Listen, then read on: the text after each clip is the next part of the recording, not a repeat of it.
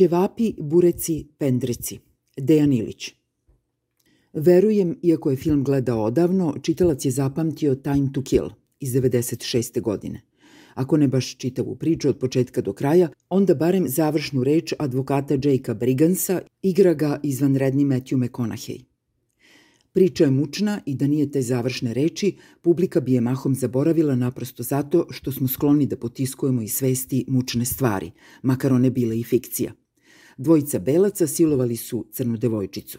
Otac devojčice iz osvete ubije obojicu i zbog toga ga izvode pred sud.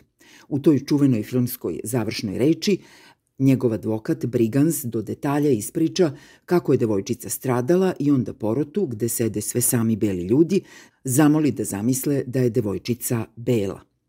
Njegov poziv izaziva šok kod porotnika, ali i kod svih u sudnici, bilo crnih, bilo belih ljudi. Takav užas i za jedne i za druge u rasističkoj Americi sredinom 20. veka naprosto je bio nezamisliv za bele devojčice. Apel advokata stoji na jednostavnom načelu univerzalnog morala – reciprocitetu. Nije isto što i etika reciprociteta. Univerzalni moral ne podrazumeva, kako se to obično misli, isključivo opšte važeća načela, on je mnogo jednostavniji od toga. Treba da budemo u stanju da se zamislimo na mestu žrtve i da iz njene pozicije sudimo o nasilju čija je ona meta. Univerzalno je tu da smo svi jednako vredna bića, uključujući i žrtvu, te da zato možemo sebe zamisliti na njenu mestu i razumeti njenu patnju. Kratka ograda u vezi s filmom. Priča sve vreme kao posečivu klizi duže razlike između reciprociteta univerzalnog morala i etike reciprociteta. Čini se da je glavni događaj osveta otelovljenje etike reciprociteta pa ispada da film zapravo brani načelo oko za oko, zub za zub. Ali preokret na samom kraju nedvosmisleno se temelji na načelu reciprociteta univerzalnog morala što onda unazad baca drugačije svetlo i na osvetu. Ali zašto uopšte podsjećam čitaoca na ovaj stari film i drobim o moralu? Šta je nas u ostalom briga za tamo neke američke filmove i američki rasizam? Odgovorit ću krajnje jednostavnim pitanjem. Kako je moguće da policajac iz Priboja nije u stanju da zamisli svog tek rođenog sina na mestu muškaraca žrtava pokolje u Srebrenici i da se kao otac zapita kako se u vezi s tim osjeća? Tako je, mislim na policajca i njegove kolege što su se radovali rođenju bebe, veličajući zločin u Srebrenici i preželjkujući da se on ponovi.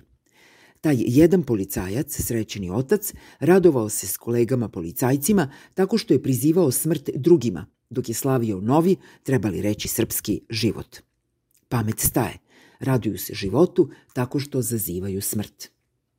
Ruku na srce policajac se odmah izvinio – Kaže, pesma je slučajno krenula s interneta. E, slučajno. Čitalac zna i to, nema na internetu slučajnih lista pesama. One se precizno kroje prema nalogu korisnika, što znači da onaj koji je listu pustio ima svoju istoriju slušanja, što su je negde tamo zabeležili algoritmi, sačuvali i u skladu s tim kreirali listu da ugode korisniku. Ali neka bude da je slučajno. Kako pesmu niko ni slučajno nije prekinuo, policajac ne kaže – Istina, obećao je da sledeći put hoće, prekinuće je još kaže, izvinjavam se svima koje je povredila pesma. Kao što rekoh, neka se policajac zamisli na mestu roditelja žrtava, da li bi mu izvinjenje bilo dovoljno. Što smo se okomili na policajca? Možda je stvarno čovek bio van sebe od sreće i njegove kolege takođe.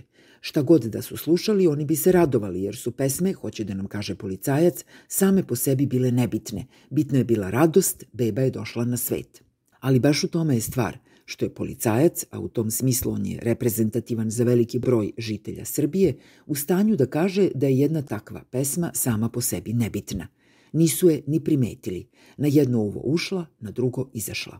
Gotovo pa kao vazduh koji udahnemo pa izdahnemo, to bože ne ostaje u nama ali je tu svuda oko nas, a mi to ne primećujemo. O tome se radi. Navikli smo se na zločin, dođe nam zločin kao vazduh koji dišemo.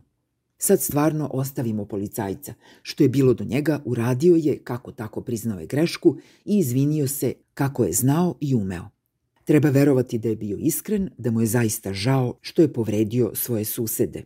Ne treba biti maliciozan pa reći da je to bio odgovor policije na projekcije filma Kvo vadi Saida u Novom pazaru. Neka sve bude duboko nesrećni sticaj okolnosti. Ali jednom kad se dogodi, više nema slučajnosti. Recimo, na Vučićev komentar već se ne može gledati kao na slučajnost. On je imao vremena da razmisli. Pošto je razmislio, rekao je ostavite me pesama i dodao, kad god je u Sanđaku i hoće da pojede ćevape ili burek, ljudi iz VBA i Bija mu govore nemoj tamo, tamo pevaju pesme Naseru Oriću. Tako to vidi naše srpče. Mi imamo svoje koljačke pesme, a oni opet svoje. Šta da se radi, ljudi su takvi, pustimo pesme. Ćevapi, bureci, pendreci, sve je to isto i može u isti Vučićev koš. Kad se bolje razmisli, Vučić je u pravu.